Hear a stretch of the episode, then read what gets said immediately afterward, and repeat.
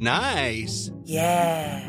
What you're hearing are the sounds of people everywhere putting on Bombas socks, underwear, and t-shirts made from absurdly soft materials that feel like plush clouds. Yeah, that plush. And the best part? For every item you purchase, Bombas donates another to someone facing homelessness. Bombas. Big comfort for everyone. Go to bombas.com slash ACAST and use code ACAST for 20% off your first purchase. That's bombas.com slash ACAST. Code ACAST.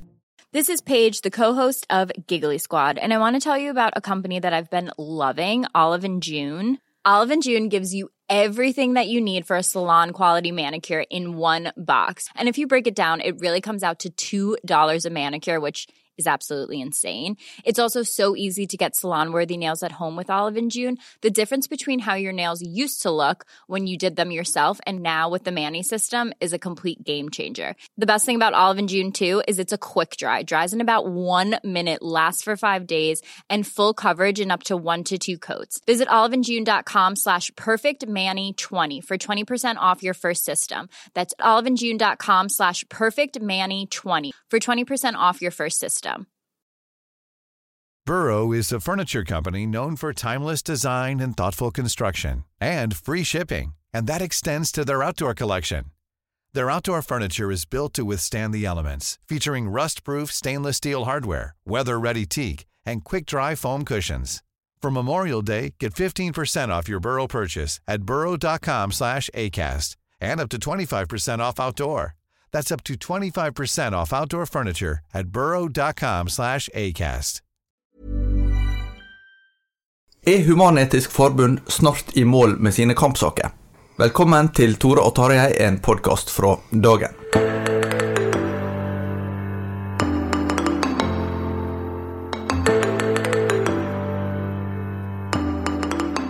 Tarjei Gilje og jeg, Tore Hjalmar Sævik, er i dag eh, ja, Vi er en, en gjest her som ikke har vært her før, men som vi har hatt kontakt med over litt tid. Ja, for du har jo stått frem som lytter, faktisk. Ja, det syns jeg at jeg skal gjøre når jeg først hører på podkasten deres hver uke. Og jeg tror jeg har gjort det fra første episode. Ja, Det er ikke dårlig, altså. Sånn, så altså smiger virker, for å si det sånn. Ja. Og den som snakker, det er Kristian Lomsdalen, nyvalgt styreleder i Human-Etisk Forbund. Du har vært intervjua i dagen før. Eh, For du er noe så uvanlig som en eh, veldig tydelig humanetiker, og samtidig relativt ofte til gudstjeneste. Det er jeg. Eh, Det var nok ikke helt det jeg ble intervjuet om, men det ble jo nevnt i forbindelse med at jeg giftet meg og vi hadde doble seremonier. bl.a. I Birkeland kirke. Eh, En velsignelse for de som er liturgisk opptatt. Eh, Ja, for, for, for, for din del var det viktig at det ikke var en kristen vigsel. Ja, det var det. Fordi at eh, jeg ville oppleve det som respektløst overfor de som tror, annet min kone og dere f.eks., eh, hvis jeg skulle stå og si disse lovnadene foran en gud jeg ikke tror på. Så det ville jeg opplevd, eh, opplevd som respektløst overfor dere. Men gitt at det finnes en gud, så ville jeg også opplevd det respektløst overfor vedkommende. Eh, Men ja, du, for å komme tilbake til det du stilte spørsmål om, da, før jeg begynte å nyansere det, eh, så er det jo sånn at eh, jeg går relativt ofte på gudstjeneste, og her er det en liten verbforskjell. For jeg går veldig sjelden til gudstjeneste. Det gjør jeg rett og slett ikke. Men uh, før korona, etter korona, så har jeg bare vært i kirken én gang, tror jeg. Uh, Men før korona så pleide jeg å være i kirken en eller annen gang mellom åtte og tolv ganger i året. Da kvalifiserer du faktisk til den undersøkelsen vi har hatt blant aktive kristne. Jeg vet det, og jeg syns det er utrolig gøy. Eh, Men jeg har sluttet å synge salmer, da. Jeg sang salmer når jeg var i kirken en gang i året og gikk på julegudstjeneste, for det gjorde jeg før også. Ja. Da sang jeg salmer. Eh, Nå har jeg funnet ut at det går litt på den respekten igjen. Ja. Richard Dawkins har vel sagt at han synger julesanger, jeg, eller julesalmer. Uh, så så det, det, det er jo det, det skal vi komme tilbake til. Men han til. er nok ikke i kirken ti-tolv ganger i året. Nei, det tror jeg på, på ingen måte. Uh, så så det, det skal vi komme til, uh, tilbake til, men, men litt mer eh, om, om din personlige bakgrunn, for, for du har jo ikke alltid vært der du er i dag. Nei. eh, Jeg er i utgangspunktet fra en eh, statskirkelig familie med eh, hva skal vi kalle det, kulturkristne eller julaftenkristne trekk. Eh, Så vi gikk alltid i kirken på julaften. Eh, Stort sett det var det vi holdt oss til. Og så valgte jeg å døpe meg selv når Eller bli døpt. eh, Ja, det, fint, det, er riktig. fint, det er fint at du sier det. det mm, ja. Bli døpt når jeg var tolv år, eh, fordi at dette trodde jeg på. Og så valgte jeg å bli konfirmert sjømannskirkelig eh, når jeg ble 15. Det er et teologisk syn, egentlig. Sjømannskirkelig konfirmasjon. Eh, Det vet jeg ikke. Det, så inni det er jeg ikke, men det var sjømannskirke som var der hvor jeg bodde, så da ble det det. På Gran Canaria. På Gran Canaria. Eh, og så eh, noen år etter dette så oppdaget jeg vel heller at jeg ikke trodde. Eh, jeg hadde et stort, stor glede av å lese Bibelen, og den leste jeg Barnebibelen min var utlest, og den eh, ordentlige Bibelen var eh, lest både frem og tilbake og opp og ned. Så det, det hadde jeg stor glede av, men jeg oppdaget at jeg manglet det troselementet som eh, nok er viktigere for lutheranere enn det er for katolikker. Men den derre personlige, faktiske troen, og den manglet jeg. Og da begynte det en vei, litt sånn glidende ut av dette. Ganske mange nordmenn vil jo da tenke at eh, ok, jeg er ikke så opptatt av disse spørsmålene, det betyr ikke så mye for meg, men de som er interessert i det, får nå være interessert i det, og så, og leve en livet sitt. Og ikke eh, Altså, eh, jeg tror ikke det er veldig fordomsfullt å si at de fleste nordmenn går ikke rundt og bruker veldig mye energi på, på livssynsspørsmål. Er det, er det en virkelighetsbeskrivelse som du kan kjenne deg igjen i? Altså, jeg tenker, tenker det å, å, å være det, det normale i anførselstegn er å være en passiv statskirke- eller folkekirkemedlem, eller en passiv ikke-medlem. Det, er, det sånn, er det din virkelighetsvurdering også? Ja, og det har jeg jo sagt mange ganger, at eh, det å være aktivt medlem av et tros- og livssynssamfunn, det er nok for de mer spesielt interesserte.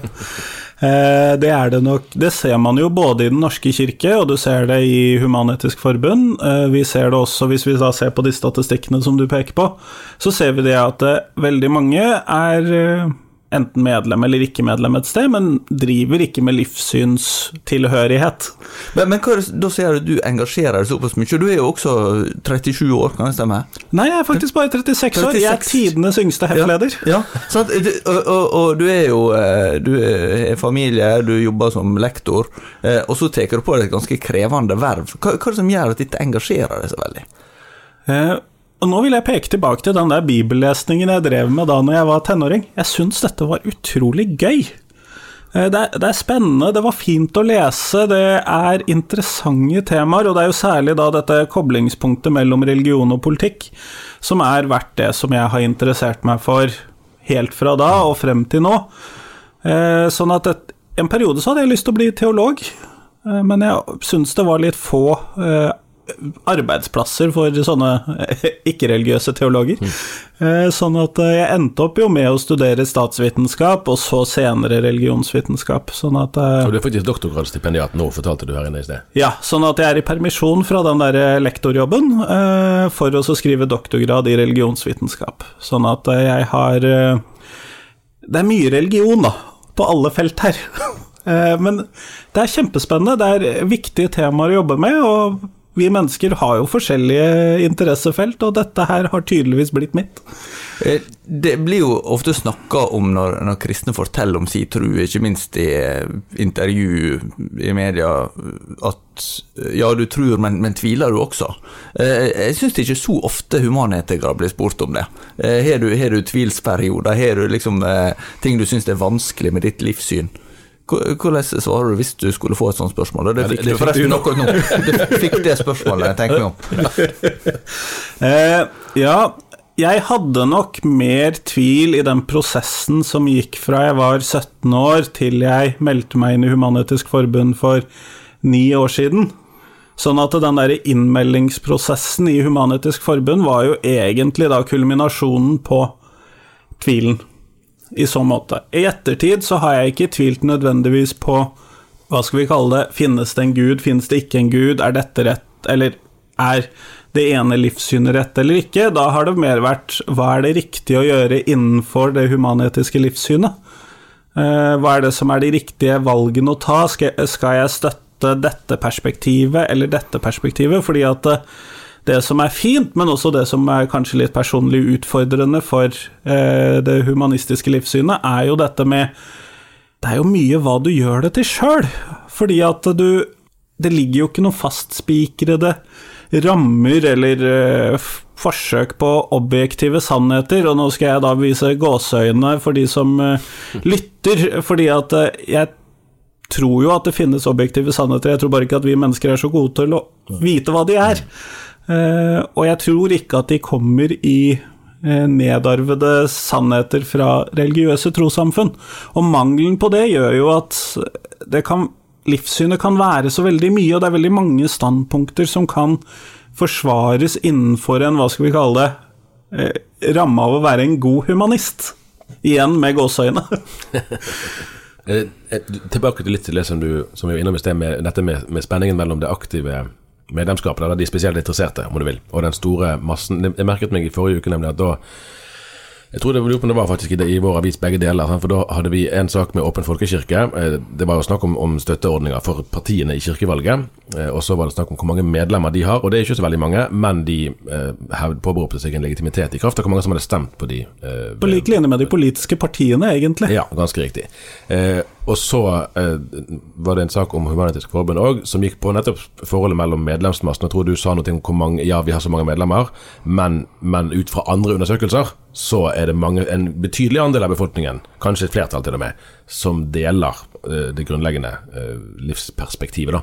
Men det er jo en, en tolkningsjobb for her prøver Den norske kirke òg å påberope seg Ja, men eh, flertallet i befolkningen er jo medlemmer hos oss, ergo har vi en viss legitimitet i å kunne måtte uttale oss på deres vegne, så å si. da. Og, og der må man jo gjøre en tolkejobb. Det er den, det er den er sånn at Her er det flere grupper som, som i utgangspunktet står for helt motsatte ting, og alle påberoper seg Ja, men folket er jo på vår side. Hvordan gjør man den tolkejobben? Jeg syns jo dette er noe av det mest interessante jeg kan jobbe med de neste årene. Eh, fordi at Human-Etisk Forbund har gjennom sin 60 og noe års historie, nå er vi vel på 65 års historie, har vært en minoritet, og det har vært en veldig tydelig minoritet. Det, det har ikke vært noe tvil om at det har vært det, og det har gjort noe med hvordan Human-Etisk Forbund har argumentert når man ønsker politiske endringer, når man sier at noe blir gjort gærent. Sånn at det har jo ligget som et premiss for Human-Etisk Forbund. Eh, og så ser vi i dag så ser vi det at det, i de fleste sakskomplekser Nå snakker jeg ikke om medlemskap osv., men i de fleste sakskomplekser så er vi enig med eh, flertallet i samfunnet. Eh, da særlig om disse vanskelige verdispørsmålene som ofte kommer opp i avisen dagen. Eh, og da kan vi ikke lenger snakke som om vi er en minoritet. Det krever en helt annen måte å prate på. For vi må ta inn over oss at vi enten er majoriteten i en del spørsmål, eller tilhører majoriteten, Ja. som man kanskje riktigere kan snakke om. For jeg kan jo ikke ta æren for alle de 48 prosentpoengene som sier at de har et humanistisk livssyn, men ikke er medlem i Human-Etisk Forbund. De kan jo ikke jeg ta noe egentlig eierskap til. Men det at, det er, at vi er enige med flertallet i disse sakene, gjør at vi må argumentere på en annen måte. Det å så være stor og argumentere med minoritetsargumenter, da virker du veldig sutrete. Eller eh, Jeg vet ikke, at du utakknemlig det, det, det er mange ord jeg kan bruke på å putte på dette her som Det er i hvert fall ikke mange positive ord. Det, det er jo sånn eh, at, eh, som det framgår av nettsida deres, at eh, Human-Etisk Forbund i lille Norge, med sine 100 000 medlemmer, er verdens største humanistiske livssynssamfunn. Jepp. Jeg er godt fornøyd med det, da. Nei, men det, er jo, det, er jo, det er jo litt tankevekkende. Hvor, altså, det ene er jo da at det er jo ikke så veldig mange da som Hvis du ser på land Norge er jo uh, igjen et, et, et lite land med 5,3 millioner innbyggere, eller hva det er. Og Likevel er det bare 100 000 av de som er medlemmer hos dere. Men, men for å ta det først, hvordan kan det ha seg at det er blitt såpass stort i Norge, tenker du? Altså sånn relativt sett. Eh, Det er en kombinasjon av statskirkens suksess og gode finansieringsordninger, eh, ville jeg tro. Så er det noen andre som sikkert vil putte inn andre ting, men det engasjementet som er blitt skapt gjennom statskirkens posisjon både i lokalsamfunnet, i skolene, opp imot regjeringen, inn i regjeringen, alle disse Og det har nok veldig mange som tilhører eh, bedehusmiljøer og frikirkelige miljøer, også følt på. En viss sånn tyngenhet fra denne storebroren som sitter og dominerer, og som eh, Før vi fikk fjernet fikk fjernet lakaten osv. Så videre. sånn at det, det, den dominansen som da har ligget der fra statskirken, og som til dels også er der ennå, i hvert fall på papiret, om ikke nødvendigvis alltid i praktisk politikk, eh, har jo skapt et engasjement som har vært veldig tydelig. Og i tillegg så har vi hatt eh, muligheten til å vokse og gjøre en del livssynssamfunnstjenester som har vært lettere med en god finansieringsordning eh, enn det som eh, man har i veldig mange andre land. Eh, og det er nok en ganske tydelig forskjell på Human-Etisk Forbund i Norge og Humanistisk Samfunn i Danmark eller Humanist UK osv. Så sånn at den tydelige suksessen til statskirken har nok medført at man da fikk en stor eh, livssynsvariant. Men samtidig så er jo noen av de mest kjente humanetikerne i Norge vært, hatt bakgrunn i pinsebevegelsen. Ja, ja. Jeg tenker på eh, særlig elever fra, fra Gell og Jens Brun Pedersen, som nå nettopp gikk av som pressesjef i, i forbundet. Jo, men de kunne jo ikke gjort denne jobben alene. De har jo bidratt med kjempemye. Eh, Men eh, det må jo være et bakland som opplever at dette her er noe som de også føler på. Og jeg mistenker at det er ikke så mange mennesker som hadde kontakt med pinsebevegelsen selv på 60-, og 70- og 80-tallet. Sånn at eh, selv om de da som fikk denne bagasjen med seg, og som kanskje var med å påvirke dem til å gjøre dette så aktivt som det de gjorde, og til dels gjør, eh, så måtte det være en, en bredere enighet for at det skulle monne i noe. Eh, Der er jo også et eh, historisk riss som kanskje kan være nyttig å se på i denne sammenhengen. Er at Hvis du går tilbake til jeg mener 1970, så, så ifølge Statistisk sentralbyrå så var 94% av den norske befolkninga medlem i Den norske kirke. Eh, nå er medlemsprosenten rundt 70. Eh, 68, faktisk. 68, ja, den er kommet under 70, og den, den går jo Den har jo fortsatt å gå nedover. Ca. 1 prosentpoeng i året. Ja, og eh, eh, samtidig med dette så har en hatt eh, en verdipolitisk utvikling eh, som eh, ikke minst som du nevner fra, fra dagens perspektiv, har jo handla om avkristning veldig mye. Én ting er eh, med oppslutning om gudstjeneste osv., men også eh, med lovverk og, og kristendomsfag i skole sant, som er blitt helt annerledes. Eh, og, og nå har det vært oppe nylig det med eh, tydeliggjøring av forbud mot forkynnelse i offentlig skole. Og så, så vil jo noen spørre ja, men når, eh, hva skal Human-Etisk Forbund kjempe for nå? Det virker som dere har fått alt sånn som dere vil. Eh, Jeg syns jo det var litt talende at eh, det første som du nevnte i introduksjonen din, og det første spørsmålet som jeg fikk tilsendt på forhånd, eh, for det var jo det samme dette med kampsaker, at det er det som trekkes fram først. Fordi at eh, Human-Etisk Forbund er jo en bevegelse som står Jeg pleier å kalle det en stol med tre ben. Eh, og det er jo det at det først og fremst så er jo Human-Etisk Forbund et livssynssamfunn eh, som er til stede for medlemmene og de som ønsker å benytte seg av vårt sosiale fellesskap osv. Der kan vi selvfølgelig bli bedre, og jeg ønsker at vi skal bli bedre på disse sosiale møteplassene. Og så I tillegg så er vi jo en seremonileverandør. Eh, Det er et veldig kjedelig og kjipt ord. Eh, Men også er vi selvfølgelig en interesseorganisasjon som ønsker å skape forandringer i samfunnet. Og så sier jo du, du nevner jo alle disse tingene, og er vi ikke da snart i mål? Og så vil jeg jo da si at det Ja, vi har kommet et stykke på vei. Og det er veldig trivelig å være ateist og humanist i Norge. Det oppleves som trygt og fint, i motsetning til mange av mine kolleger i en del andre land. Eh, Men vi har jo fremdeles en statskirke i Norge. Eh, Så vet jeg at politikerne liker å si at den er fjernet, men statsviteren i meg, han uh, reagerer litt. Jeg er helt enig med deg i det. og det tror jeg har hørt på podkasten før. Eh, og så har vi selvfølgelig og dette er jo de enda tettere båndene, det er kommunekirken. Ja. uh, der er det ganske tette det det vi koblinger. burde kalle det for kommunekirken. Ja. Ja, det, det, jeg syns det var et glimrende begrep. Det tror jeg skal skylde på Lars Petter i politisk avdeling. Og så er det jo Vi snakker jo da om at det er en tydeliggjøring av forkynnelsesforbudet, og det er eh, eh, f.eks. da bibelutdelingen som man ikke lenger Eller man sier at eh, det bør man helst ikke drive med. Eh, det er ikke blitt nektet, det er bare anbefalt å ikke. Ehm, så er det fremdeles sånn at kristendommen favoriseres i praksis i skolen i dag, både gjennom læreplanen i KRLE-faget, men også gjennom samarbeidsavtaler med lokale kirker. Det er, så vidt jeg vet, så er det ingen eh, kommuner, skoler, som har samarbeidsavtaler med andre tros- og livssynssamfunn utenfor Den norske kirke, eller utenfor den kristne sfære. Så vet jeg at det er noen som går på julegudstjeneste i Philadelphia og den typen ting, så det er kanskje noen unntak der, for jeg sier utenfor kristendommen. Eh, Men stort sett så er det bare Den norske kirke som har den typen samarbeidsavtaler, og det viser en favorisering.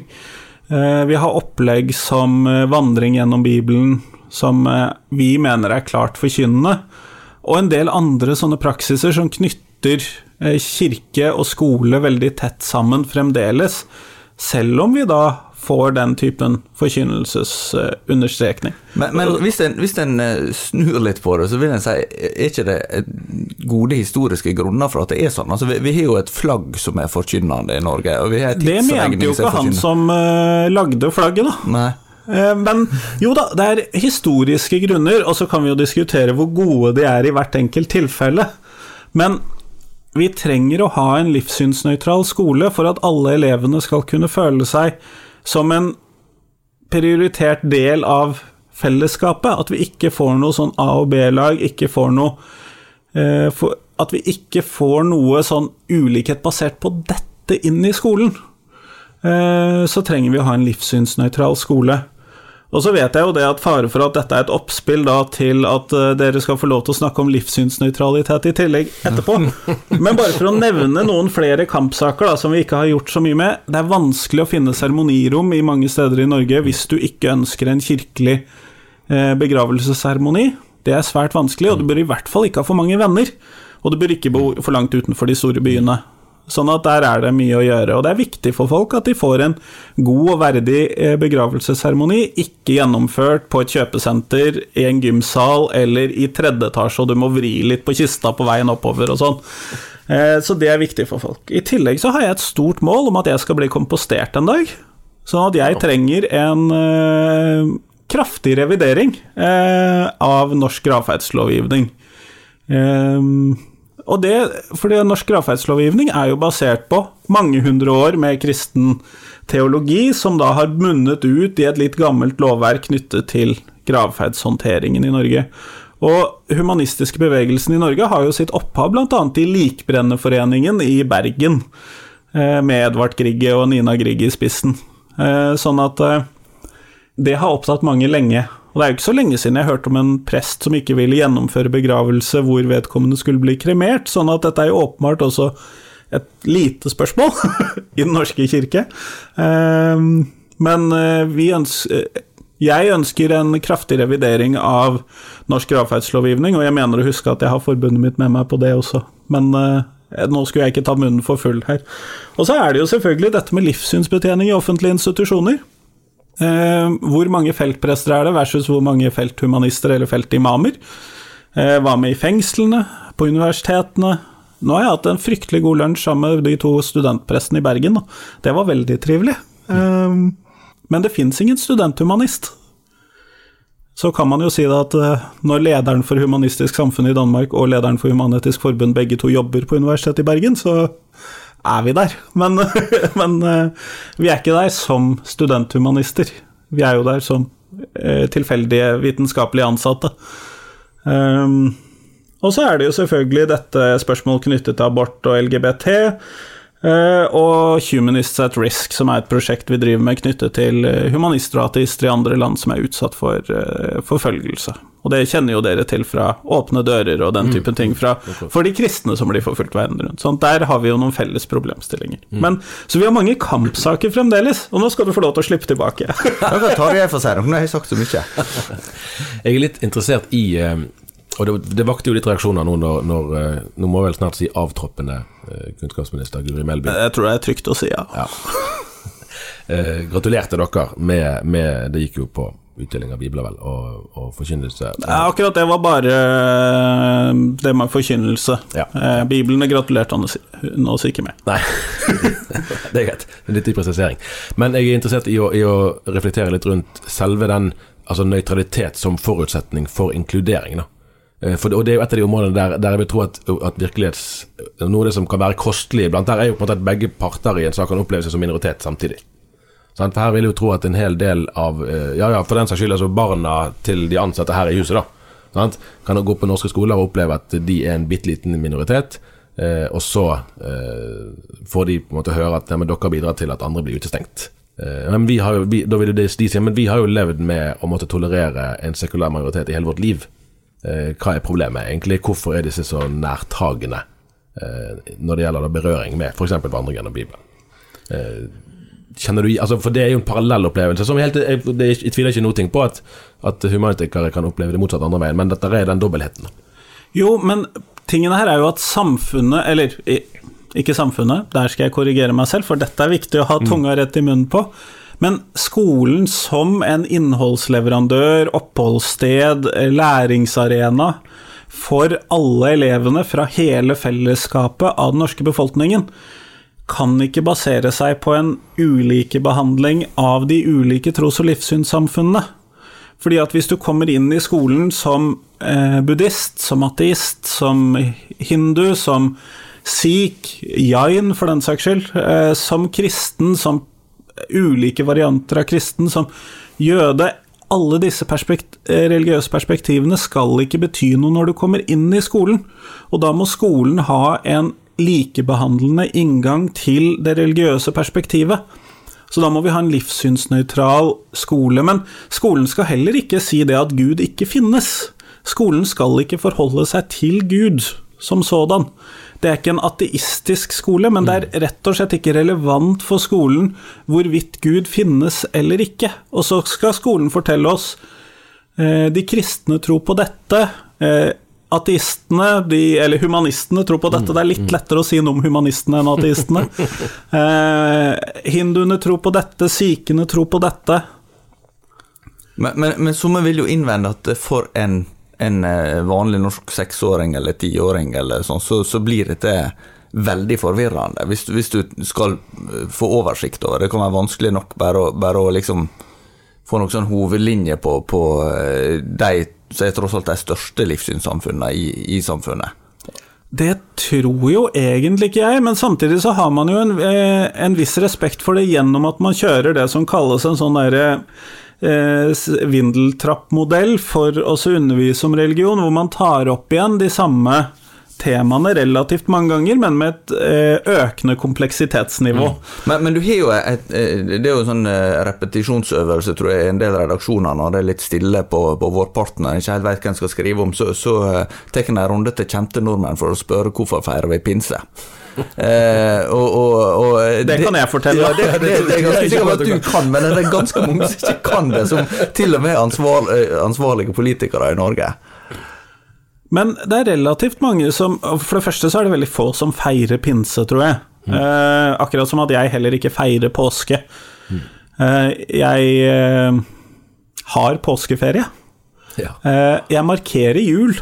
Eh, min kone derimot eh, har jo da eh, feirer påske.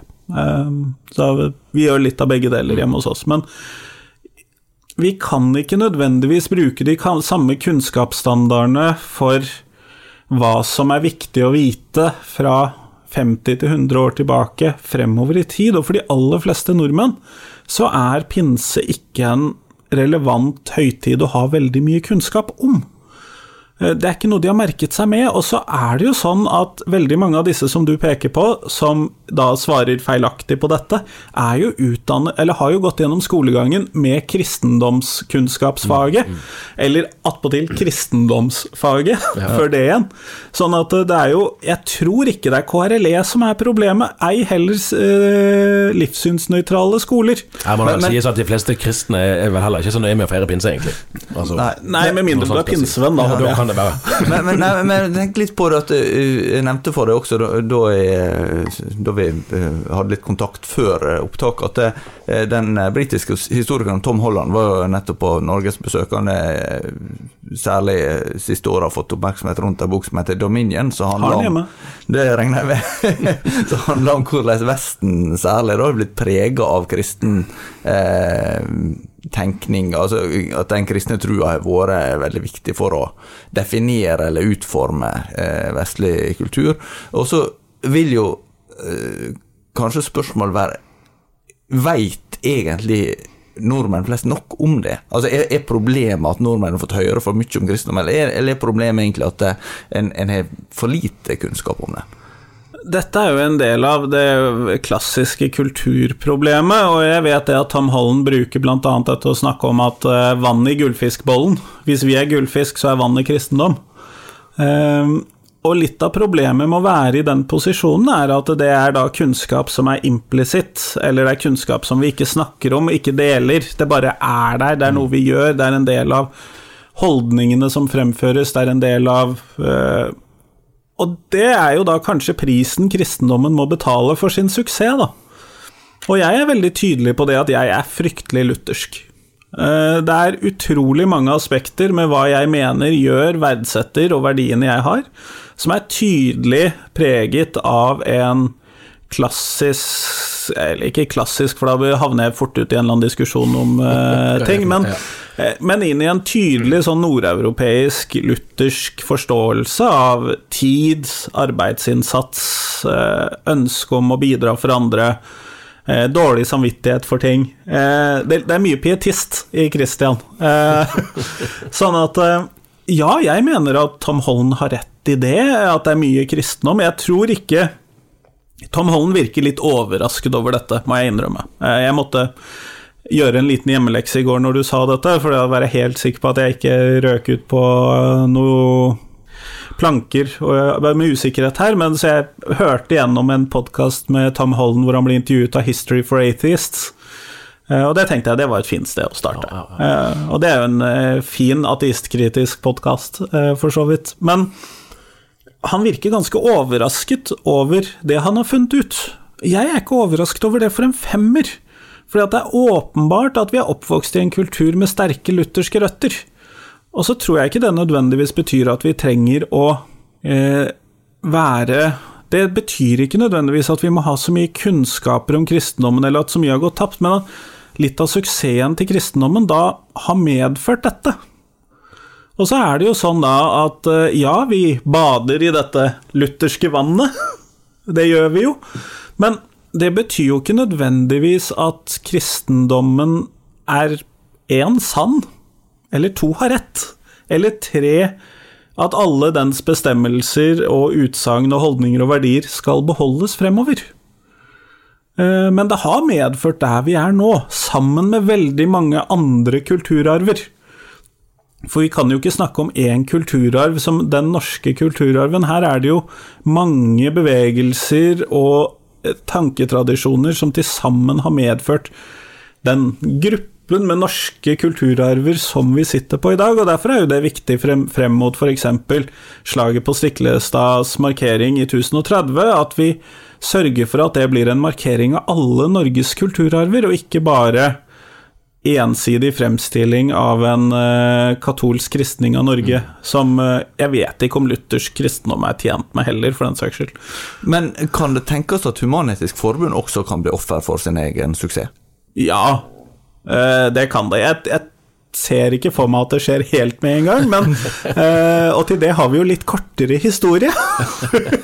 Eh, med 65 år mot, eh, hvis vi skal være grei, 500 år eller 1000 år. Men jo da, Eh, det kan vi. Eh, Men da, da melder det seg et annet spørsmål som jeg også har nevnt for deg i forkant. Um, Det er jo, eh, Jeg husker ikke hvem som påpekte det, men det var en utfordring for Richard Dawkins gjennom om jeg ikke husker feil. at eh, Antagelig så er- syns ikke Richard Dawkins nødvendigvis det er så dumt at alle tror på Gud, i den forstand hva, hva effekt gudstrua kan ha på mennesker. Altså, for, for mange at det vil være en kilde til, til mening og til trygghet og til eh, perspektiv på, på livet. Eh, så må jeg si at humanetikken er jo liksom den, den eh, leverer på en måte ikke det som ei, ei, ei gudstro gir, da, av, av, eh, av eh, eh, ja, eh, disse tinga som jeg nevner her. Kjenner du igjen i det? Jeg er litt usikker på hvilke ting du nevnte, altså. Man Nei, nei, du, tenker på, på det bare- at mennesket tenker det er mening. Jeg, jeg er skapt, jeg, jeg tilhører jeg, jeg kan se livet mitt i et større perspektiv. Der, der, er en, der er en plan, der er en kontroll, og jeg forstår ikke den alltid. Ja, nei, men det, sånn- det, den må jeg innrømme. Ja. Den, eh, både planen og kontrollen, eh, den eh, har vi jo ikke. Og, og også den ansvarlige, det at jeg står ansvarlig for eh, altså, På engelsk snakker de om 'meet my maker', ikke sant? den tanken om at jeg, livet mitt eh, det skal jeg stå ansvarlig for. Jo, men samtidig så betyr jo ikke det- det at vi ikke har noen skaper som vi skal møte i ettertid, betyr jo ikke at vi ikke står ansvarlige, men vi står ansvarlige overfor våre medmennesker, for kommende generasjoner, for eh, dyrene og for naturen. Sånn at vi står ansvarlige, men det er ikke en overordnet skaper som er den dommeren som vi da skal møte. Og der liker jeg veldig godt det jeg driver og reiser rundt om dagen og holder konfirmasjonstaler, siden humanistiske konfirmasjoner også er eh, utsatt til høsten, sånn som kirkelige konfirmasjoner. Og Kurt Vonnegut som sier det at eh, As a humanist I did der sto faktisk sitatet eh, helt st- stopp i hodet mitt. Jeg husker det ikke så godt som jeg mente å huske, men hvor det at man gjør de tingene man gjør, det gjør man ikke fordi at man møter en skaper etterpå, men fordi at man skal være et godt menneske. Så vi står ansvarlige. Det er bare en annen eh, Det er noen andre man er ansvarlig overfor. Eh, sånn at det ikke Det blir ikke noe lettere eller mer valgfritt å være humanist på mange måter, for vi er fortsatt ansvarlige. Vi nærmer oss eh, slutten, eh, så dette her er kanskje mer en betraktning enn et spørsmål. Men noe av det som, som er fascinerende når man, For eksempel, da, eh, når jeg leste eh, Audun Lysbakken skrev en bok som jeg tror het 'Frihet sammen' for en, la oss si seks-syv-åtte år siden. Og så prøvde jeg å lese den ganske bevisst med liksom, dagen-briller da, og se etter fellesnevnere. Og egentlig er det jo ganske mye. Eh, sant? Og du kan gå enda lenger ut på venstresiden eh, og, finne, og finne helt klare likhets, altså berøringspunkter mellom til og med konservative kristne og, og dette. Eh, og Noe av det som blir spennende fremover, er jo å se eh, i hvilken For, for en ting er på en måte selve forståelsen av om Gud finnes eller ikke, om vi står ansvarlig for å skape eller ikke. Der er jo åpenbart Den kristne kirke og Human-Etisk Forbund ser helt ulikt eh, på det. Men når det gjelder hvordan skal vi leve livene våre, hvordan skal vi behandle hverandre, så er det jo ikke sikkert at avstanden alltid eh, er så stor. Kanskje vil den være overraskende liten noen ganger. Og kanskje ikke minst når, når man får inn um, Altså når Human-Etisk Forbund i mindre grad enn historisk blir preget av um, Altså at man har brutt ut av en kristen kontekst, og at man faktisk på selvstendig grunnlag har uh, sitt eget program. Ja, eh, og der tror jeg du har rett, i hvert fall i dette knyttet til eh, det er en stor enighet om en del av de sosiale aspektene ved det å være i live. Ja. Eh, det der vil vi være enige om ganske mye, og så vil det jo være noen perspektiver knyttet til rettigheter for enkeltgrupper, og det vil være eh, noen sånne inkluderings- og ekskluderingsmekanismer som man ikke nødvendigvis er helt på ballen på. Eh, eventuelt ikke spiller på den samme banen. Men sånn at Jo da, eh, vi er jo enige med eh, konservative religiøse eh, av ulike varianter i en hel del ting, fordi at mye er jo felles menneskelig. Men, men der er, er det jo en ny debatt, egentlig. Eller er ny og ny, den er, det er jo for så vidt ikke det, men, men, men, men hva religionsfrihet skal bety, hva livssynsfrihet skal bety. Der eh, KrF eh, var jo ganske opptatt av det i valgkampen, og det er jo en kjent sak for oss som, som jobber her, at, at kristne og for så vidt andre livssynssamfunn er, er bekymra for en slags sekulær intoleranse. At det å ha en religiøs overbevisning skal bli vanskeligere i, i samfunnet, rett og slett fordi at det, eh, en opplever at det folk er mer mindre rom for å akseptere det, da. Er, er det det ei utfordring eller en bekymring som du forstår? For Human-Etisk Forbund, og for meg personlig, så er religionsfrihet svært viktig. Men vi kan ikke bruke religionsfrihet som et argument for å unnskylde alt mulig rart. Sånn at eh, min religionsfrihet stopper der hvor den tråkker på deg.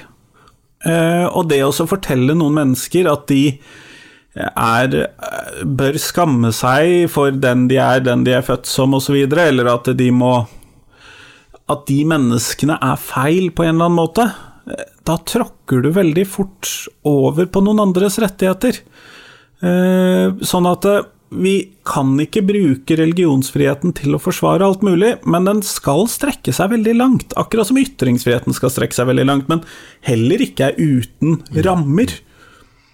Sånn alle menneskerettighetene, med unntak av torturparagrafen i menneskerettighetene, er jo relative paragrafer som alle sammen skal måles opp imot hverandre. Og så er jeg veldig glad for at torturparagrafen er uh, uten rammer, at det alltid er gærent. Eh, men alle de andre menneskerettighetene skal jo spille ball opp imot hverandre, sånn at vi får best mulig gode liv. Men, men, men tenker du at det er en utfordring med at, at, det å ha en religiøs overbevisning er noe som, som blir mindre respektert, eller mindre forstått?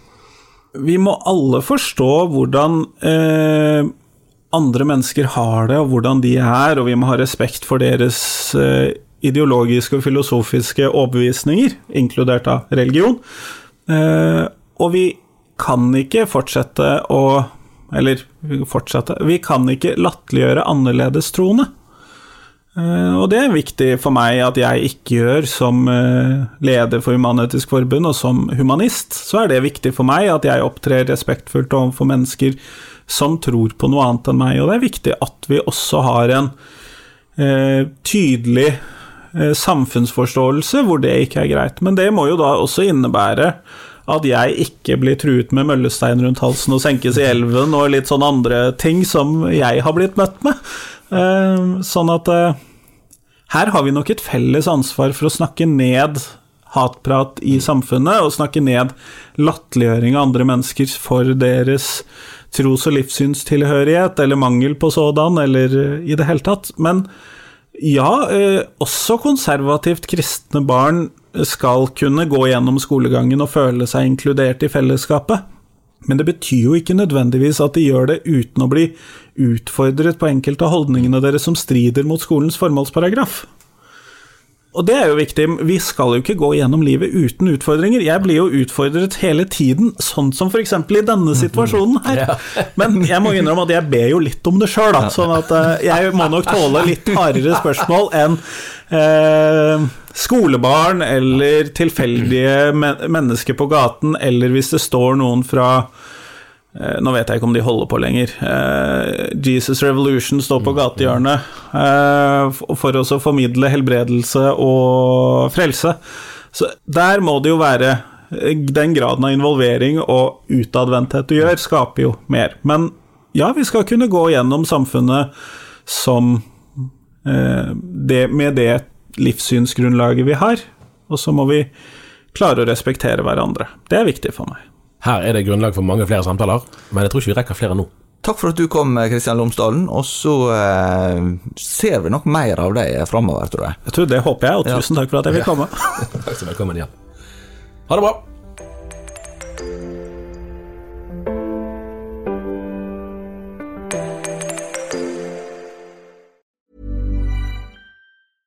Selling a little or a lot? Shopify helps you do your thing however you cha-ching. Shopify is the global commerce platform that helps you sell at every stage of your business. From the launch your online shop stage to the first real life store stage, all the way to the did we just hit a million orders stage. Shopify is there to help you grow. Shopify helps you turn browsers into buyers with the internet's best converting checkout.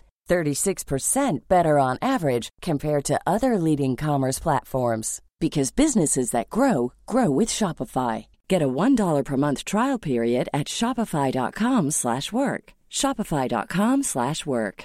Imagine the softest sheets you've ever felt. Now imagine them getting even softer over time That's what you'll feel with Bowl and Branch's organic cotton sheets. In a recent customer survey, 96% replied that Bowl and Branch sheets get softer with every wash. Start getting your best night's sleep in these sheets that get softer and softer for years to come. Try their sheets with a 30-night guarantee. Plus, get 15% off your first order at bowlandbranch.com. Code BUTTERY. Exclusions apply. See site for details. Even when we're on a budget, we still deserve nice things. Quince is a place to scoop up stunning high-end goods for 50 to 80% less than similar brands. They have buttery soft cashmere sweaters starting at $50, luxurious Italian leather bags, and so much more. Plus, Quince only works with factories that use safe, ethical, and responsible manufacturing. Get the high-end goods you'll love without the high price tag with Quince. Go to quince.com slash style for free shipping and 365-day returns.